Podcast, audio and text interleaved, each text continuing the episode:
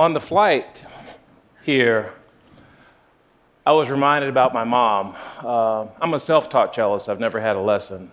I studied double bass, but I just picked up the cello and started playing because I loved doing it. But my mom was an inspiration to me. I, I, did not realize she was an inspiration because she got her music degree through a mail order course, the U.S. School of Music. While raising two kids, she received a lesson a week in the mail and practice. And at the end of a couple of years, she put on a recital. And uh, I'll be 50 this month, and it took me that long to realize that she was that big of an inspiration. Uh, I'm just going to keep, yeah, thanks, Mom.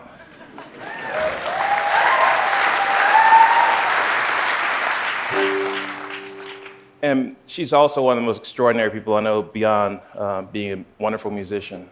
I want to play a little bit for mom, and your mom's as well, actually.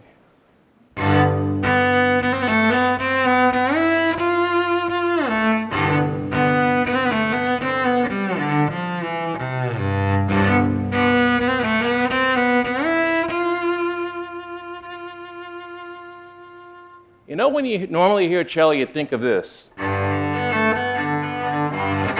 We're not going to do that today.